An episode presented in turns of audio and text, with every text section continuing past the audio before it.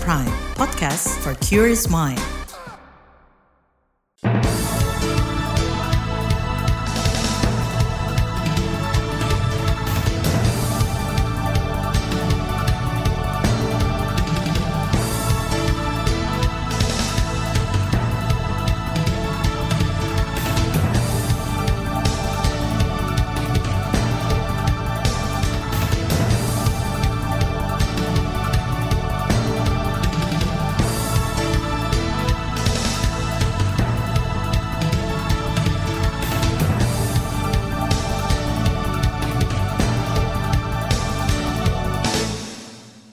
Selamat pagi saudara, senang sekali kami bisa menjumpai Anda melalui program Buletin Pagi, edisi Kamis 29 Juni 2023, bersama saya Sindu Darmawan.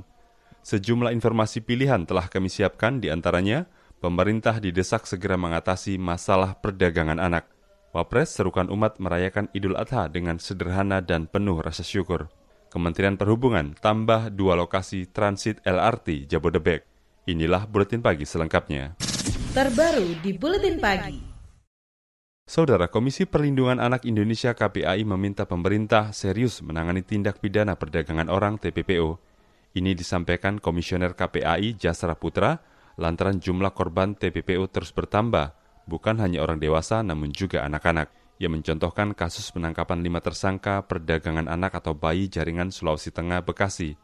Dari penangkapan para tersangka, polisi menyelamatkan 16 bayi manusia dan termasuk juga bayi adalah bentuk kejahatan manusia yang tidak boleh ditolerir. Ya, jadi kita berharap aparat hukum untuk bertindak tegas dalam hal ini, baik itu terjadi di dalam ataupun akan dibawa ke luar negeri. Tentu uh, pelakunya harus dihukum maksimal. Yang kedua, itu kita berharap pada pemerintah dan pemerintah daerah untuk berupaya secara keras melakukan upaya pencegahan baik itu di tingkat keluarga, di tingkat anak itu sendiri gitu ya. Komisioner KPAI Jasra Putra menambahkan faktor ekonomi dan minimnya edukasi dari pemerintah mengenai hak-hak anak menjadi salah satu penyebab tingginya perdagangan anak. Tindakan ini sangat melanggar hak anak. Untuk itu Jasra mendorong penguatan pendidikan karakter serta mencegah pernikahan usia dini agar hak-hak anak tidak telantar. Merespon desakan tersebut, pemerintah kembali menegaskan komitmennya memberantas perdagangan anak atau bayi. Komitmen itu antara lain tertuang dalam Peraturan Presiden atau Perpres tentang Rencana Aksi Nasional Pencegahan dan Penanganan Tindak Perdagangan Orang (TPPO) tahun 2020 hingga 2024. Namun menurut Asisten Deputi Bidang Perlindungan Hak Perempuan dan TPPO Kementerian PPPA, Priyadi Santosa, sisi pencegahan memang perlu diperkuat dengan koordinasi seluruh kementerian lembaga yang terlibat. Hanya memang untuk penindakan uh, itu yang butuh apa namanya uh, lebih kerjasamanya lebih kuat lagi. Karena mereka ini kan jaringannya sangat kuat. Sehingga itu laporan dari masyarakat atau atau kolaborasi tidak melibatkan masyarakat. Yang dalam hal ini bisa uh, duluan aktif dan melalui deteksi dari apa dimulai dari kanan kirinya dan seterusnya itu kan tentu bisa mempercepat ya. Asisten Deputi Bidang Perlindungan Hak Perempuan dan TPPO Kementerian PPPA Priyadi Santosa menambahkan, pencegahan terkait perdagangan anak perlu terus digaungkan sampai ke tingkat terkecil, yakni keluarga.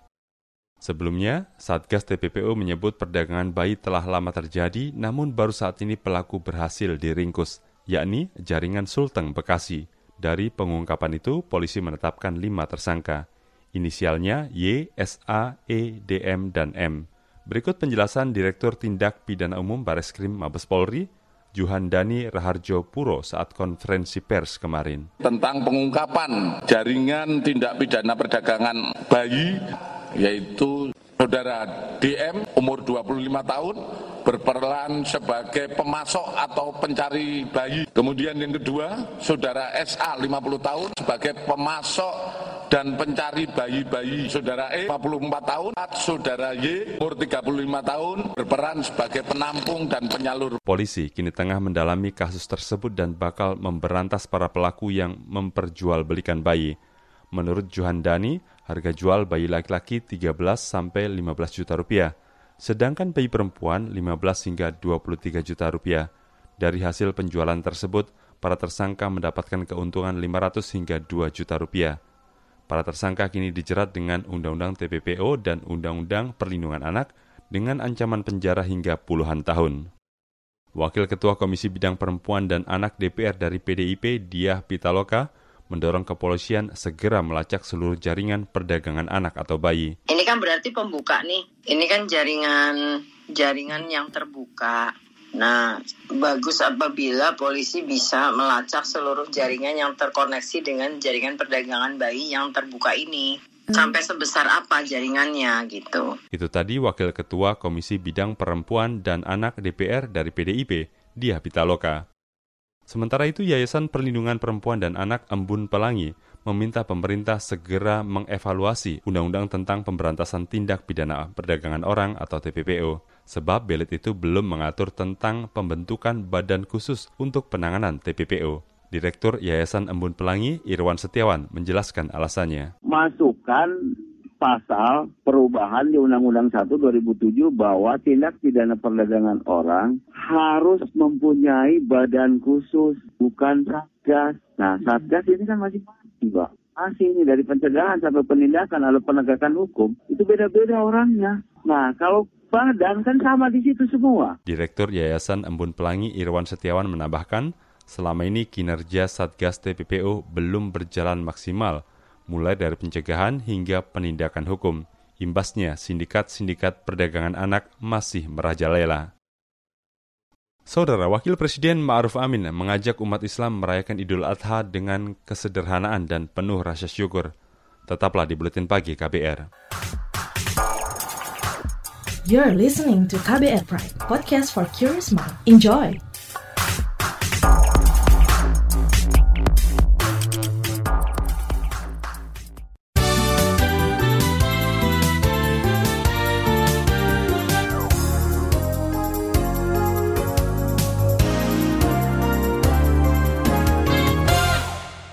Anda sedang mendengarkan Buletin Pagi KBR, siaran KBR mengudara melalui satelit ke lebih dari 350 radio jaringan di Nusantara.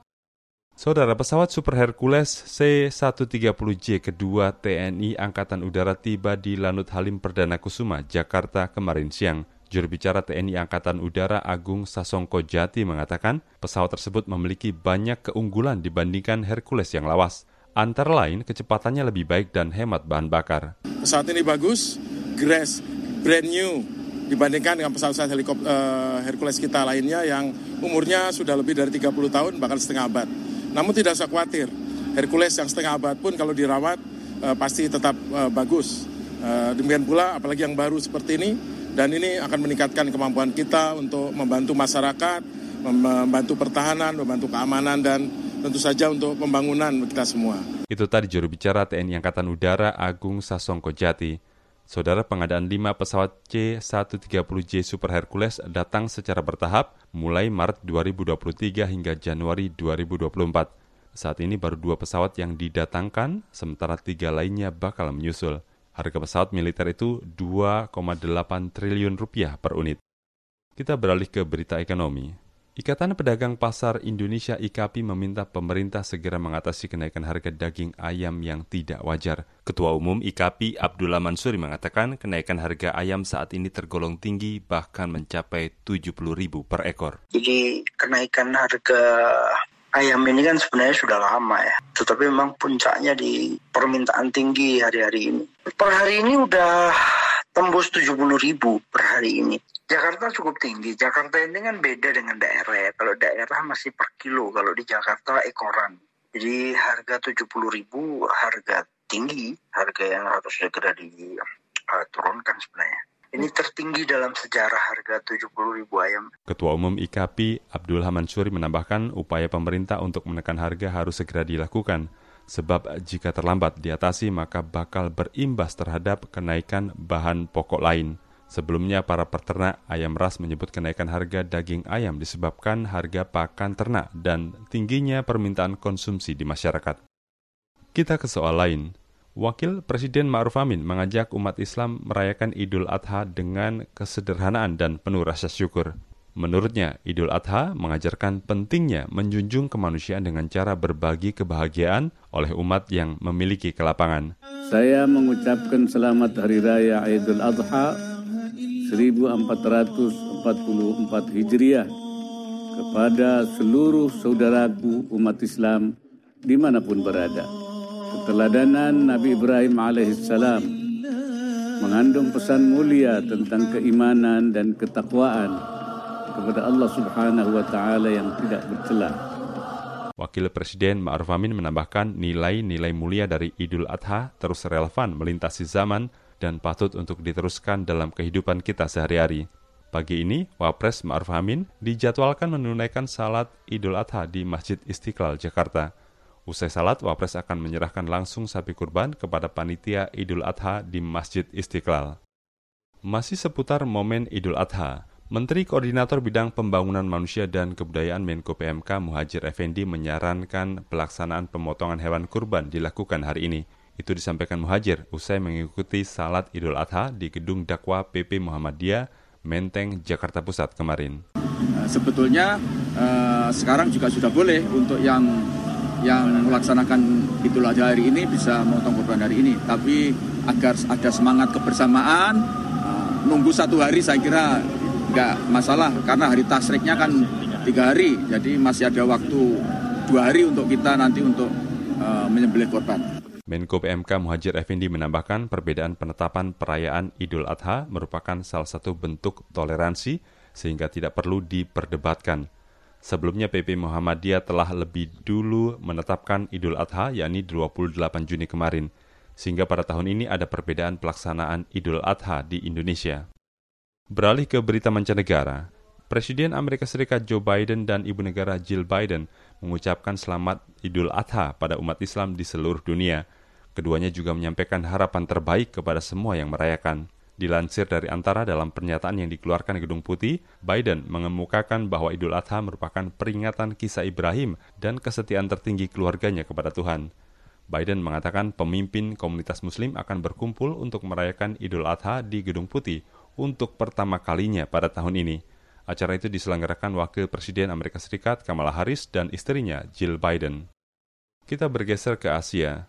Jemaah haji di seluruh dunia melakukan prosesi lempar jumroh akobah di Jamarat Mekah, Arab Saudi, Rabu 28 Juni. Prosesi lempar jumrah dilakukan setelah para jemaah melaksanakan wukuf di Arafah. Dilansir dari AFP, lempar jumrah akobah merupakan salah satu syarat wajib yang dilakukan pada ibadah haji. Ini adalah simbol pengusiran setan, seperti yang pernah dilakukan Nabi Ibrahim. Pada 11 Julhijjah atau hari ini, jemaah ke Jamarat lagi untuk melontar Jamra Ula, Wusta, dan Akobah dengan masing-masing tujuh batu kerikil. Hal yang sama juga dilakukan pada 12 Julhijjah atau besok. Jemaah haji kembali ke Jamarat untuk melontar jumrah yaitu Ula, Wusta, dan Akobah dengan tujuh batu kerikil. Kita beralih ke berita olahraga. Atlet bulu tangkis ganda putra Kevin Sanjaya Sukamulyo akan dipasangkan sementara dengan Rahmat Hidayat. Dilansir dari antara Kepala Pelatih Ganda Putra Pelatnas Persatuan Bulu Tangkis Seluruh Indonesia PBSI, Heri Iman Pirngadi mengatakan keputusan tersebut diambil berdasarkan kemauan Kevin yang memilih Rahmat sebagai tandem baru. Duet baru ini tercipta setelah pasangan Kevin yakni Markus Fernaldi Gideon harus rehat karena menjalani operasi tumit kaki kanan. Kini pelatih Harry tengah menghitung dan memilah-milah turnamen yang bisa diikuti Kevin dan Rahmat. Di bagian berikutnya, kami hadirkan laporan khas KBR tentang pejuang lingkungan dibayangi over kriminalisasi KUHP baru. Tetaplah di Buletin Pagi KBR. You're listening to KBR Pride, podcast for curious mind. Enjoy!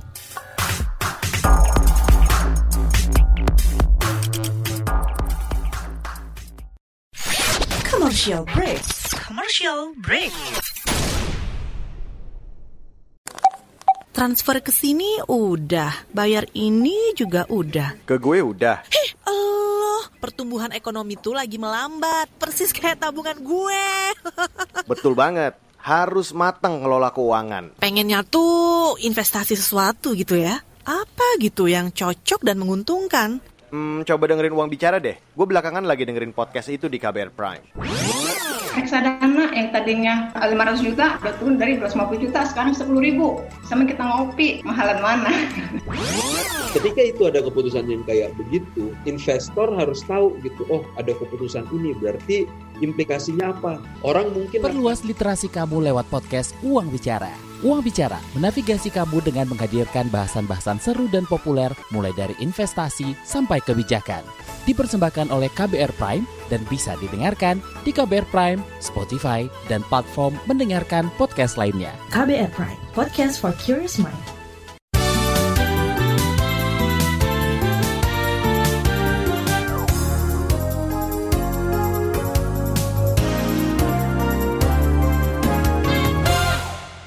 Anda masih bersama kami di Buletin Pagi KBR. Saudara, Yayasan Auriga Nusantara mencatat tak kurang dari 112 kasus kekerasan dan kriminalisasi terhadap pejuang lingkungan terjadi pada kurun 2014 hingga 2023. Salah satunya adalah kasus Sukma dan Sawin, aktivis jaringan tanpa asap batubara Indramayu, Jatayu, Jawa Barat.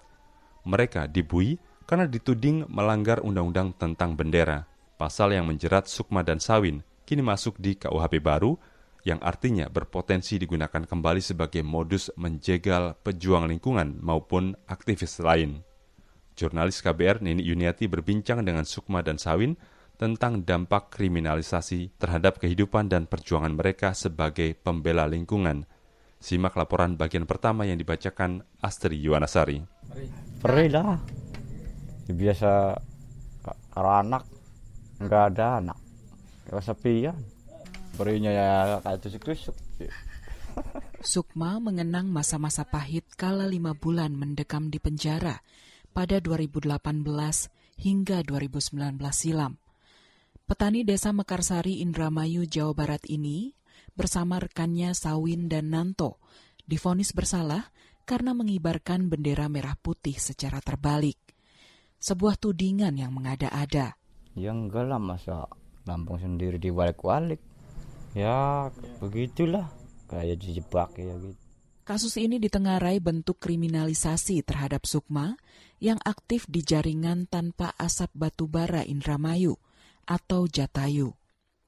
Ketika itu Sukma, Sawin, dan Nanto memang mengibarkan bendera merah putih di lapangan setempat.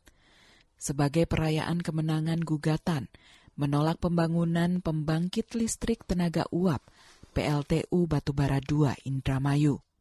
Beberapa hari kemudian ketiganya ditangkap karena dituding melanggar undang-undang tentang bendera. Ya banyak ada 10 orang bisa lah. Ya parah ya kayak pakaiannya enggak dinas kah? Pakai senjata gitu kan? Pakai sing dawa taras panjang. Waktu itu ngelawan atau pasrah aja? Ya pasrah di bawa senjata itu malam sampai jam 2 Petaka yang dialami Sukma menjadi penderitaan bagi sang istri Erawati dan dua putrinya yang saat itu masih balita. Sekarang mau udah gede-gede anak. Dulu waktu dibawa ya Allah, satu dipegang, satu digendong. Bawa semua kalau besuk. Nangis. Waktu jam besuk habis, dia dua masih kangen. Manggil-manggil terus bapaknya sampai jalan nggak kelihatan. Air mata nggak kerasa jujur. Pahit pokoknya pahit banget. Mereka kehilangan tulang punggung keluarga. Tapi alhamdulillah materi itu ada aja yang ngasih gitu ada yang kasih ya. Kalau saya mah ya nggak bisa karena posisi lagi menyusui dia terus yang kecil juga nggak bisa cari duit saya. Yang paling sedihnya yang gede kan udah tahu. Bapak ke mana katanya. Kok kerja nggak pulang-pulang pas dia ngomong kayak gitu saya nangis. Itu doang bisanya. Tar ntar juga pulang. Ibarat sudah jatuh tertimpa tangga. Erawati malah harus berutang sana sini demi biaya hidup suaminya selama dibui. Lah baru di dalam tuh minta duit ngapain? Orang nganggur dimintain duit. Penjara itu banyak pajaknya. Pajak ya pajak mafia bukan pajak dari dalamnya. Jajan iya. atau makan itu bayar bayar nggak mau beli juga harus beli karena kalau nggak mau nggak beli dibully harga dua kali lipat dari luar kadang-kadang es krim di rumah mah es krim buat anaknya aja makan di situ harus makan es krim karena pemaksaan Perempuan 36 tahun ini rutin mengirimkan uang ke lapas. Seminggu tuh dua kali 350, 350. Itu pun nggak nggak masuk. Saunanya 350, kadang-kadang 290 masuknya ke dianya terlalu banyak pajak mafia semua Erawati tak lagi ingat berapa banyak uang yang ia pinjam. Setruknya itu waktu pengiriman dikumpulin sampai hilang semua itunya tulisannya tinggal kertasnya doang. Ia sempat menjadi pekerja migran di Arab Saudi selama dua tahun dengan gaji sekitar 5 juta rupiah per bulan. Namun, hingga empat tahun sejak Sukma bebas pun, utang itu tak kunjung lunas. Kondisi ini memaksa mereka berdua bekerja lebih keras. Alhasil, aktivitas Sukma di Jatayu pun mulai berkurang. Ke mana katanya Pak Sukma nggak pernah hadir? Bukannya nggak mau hadir, karena sambil ngurus lahan orang. Kemarin juga pulang jam 3 sambil nyari air buat nyiram bawang. Erawati memastikan Sukma tetap semangat berjuang bersama Jatayu. Namun, ia meminta sang suami lebih berhati-hati agar tak lagi jadi korban kriminalisasi. Nggak usah inget-inget lagi yang pahit itu. Jalanin aja yang di depan. Pokoknya lebih hati-hati aja. Ya hati-hati takut kejadian lagi. Soalnya kan kalau orang kayak gitu udah ada lubang satu pasti, pasti nyari lubang yang lain. Mereka pantas khawatir mengingat belum ada perlindungan nyata bagi pejuang lingkungan. Apalagi pasal yang dipakai menjerat Sukma kini masuk di Kitab Undang-Undang Hukum Pidana KUHP yang baru. Seberapa besar potensi dampaknya bagi para pembela lingkungan? Simak kelanjutan kisahnya esok. Demikian Saga KBR, saya Astri Yuwanasari. Informasi dari berbagai daerah akan hadir usai jeda. Tetaplah di Buletin Pagi KBR. You're listening to KBR Pride, podcast for curious mind. Enjoy!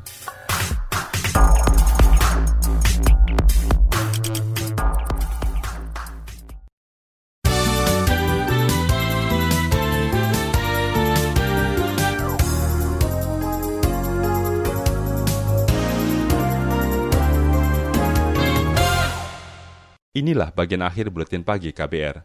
Kementerian Perhubungan akan menambah dua lokasi transit untuk LRT Jabodebek, yakni di Cibubur dan Bogor. Kini LRT hampir rampung dan dalam tahap penyempurnaan. Menteri Perhubungan Budi Karya Sumadi mengatakan LRT akan diuji coba 12 Juli sampai 18 Agustus 2023 dengan tarif satu rupiah. Ini keretanya driverless tanpa pengudi, tanpa manis-manis. Maka kita harus perfect. Ya, jadi 90 persen kita akan menambah dua transit lagi untuk di uh, lakukan dan uh, juga saya informasikan bahwa apa yang uh, dilakukan ini dilakukan secara sistematis kolaborasi. Menteri Perhubungan Budi Karya Sumadi menambahkan LRT Jabodebek bakal menawarkan kecepatan dan moda transportasi dengan teknologi terbaru untuk mobilitas masyarakat. Ia yakin keberadaan LRT dapat membantu mengurangi kepadatan dan kemacetan di ibu kota. Saudara, puncak arus mudik Idul Adha terjadi di Terminal Kalideres Jakarta kemarin. Kepala Terminal Kalideres, Revi Zulkarnain mengatakan hal itu ditandai dengan terjadinya lonjakan penumpang yang cukup signifikan, terutama ke kota tujuan di Pulau Sumatera. Dari pagi tadi, uh, itu kebanyakan adalah penumpang Sumatera, terutama adalah Padang, Palembang, Bengkulu, namun untuk sore hari ini kebanyakan adalah penumpang jurusan Jawa, terutama Jawa Tengah. Pada saat ini itu lebih kurang sudah uh, eh, 900 penumpang ya yang diberangkatkan. Jangan pada hari biasa itu hanya uh, berkisar 300 penumpang. Kepala Terminal Kalideres Revi Zulkarnain menambahkan, sejak pekan lalu lonjakan pemudik di Terminal Kalideres mencapai tiga kali lipat dari hari biasa. Kata dia, kenaikan jumlah pemudik masih akan terjadi mengingat waktu libur yang cukup panjang. Kita ke Papua. Pemilik maskapai Sam Air, Wagus Hidayat berharap proses identifikasi keenam jenazah korban pesawat PKSMW segera selesai. Keenam jenazah itu kini masih di RS Bayangkara, Jayapura. Mereka tewas setelah pesawat yang ditumpangi jatuh di Gunung Mabualem, distrik Welarek, Kabupaten Yahukimu, Provinsi Papua Pegunungan. Karena itu kami menunggu dari tim DPI untuk melakukan tugasnya sehingga setelah penyerahan kepada keluarga, kami sendiri siap untuk memfasilitasi. Itu tadi pemilik maskapai Sam Air, Wagus Hidayat. Sementara itu tim evakuasi dari Basarnas belum menemukan kotak hitam atau black box pesawat Sam Air Padahal tim evakuasi telah berupaya mencari black box di puing-puing hingga sekitar lokasi kejadian. Saudara Jumat pekan lalu pesawat SMR PAK SMW kecelakaan saat melintasi Papua Pegunungan. Akibatnya enam orang di dalam pesawat yang terdiri dari dua kru dan empat penumpang meninggal. Informasi tadi menutup jumpa kita di Buletin Pagi hari ini. Pantau juga informasi terbaru melalui kabar baru, situs kbr.id, Twitter kami di akun @beritaKBR, serta podcast di alamat kbrprime.id.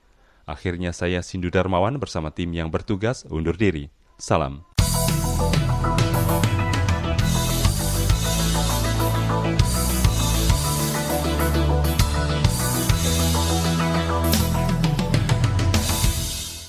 KBR Prime, cara asik mendengar berita. KBR Prime, podcast for curious mind.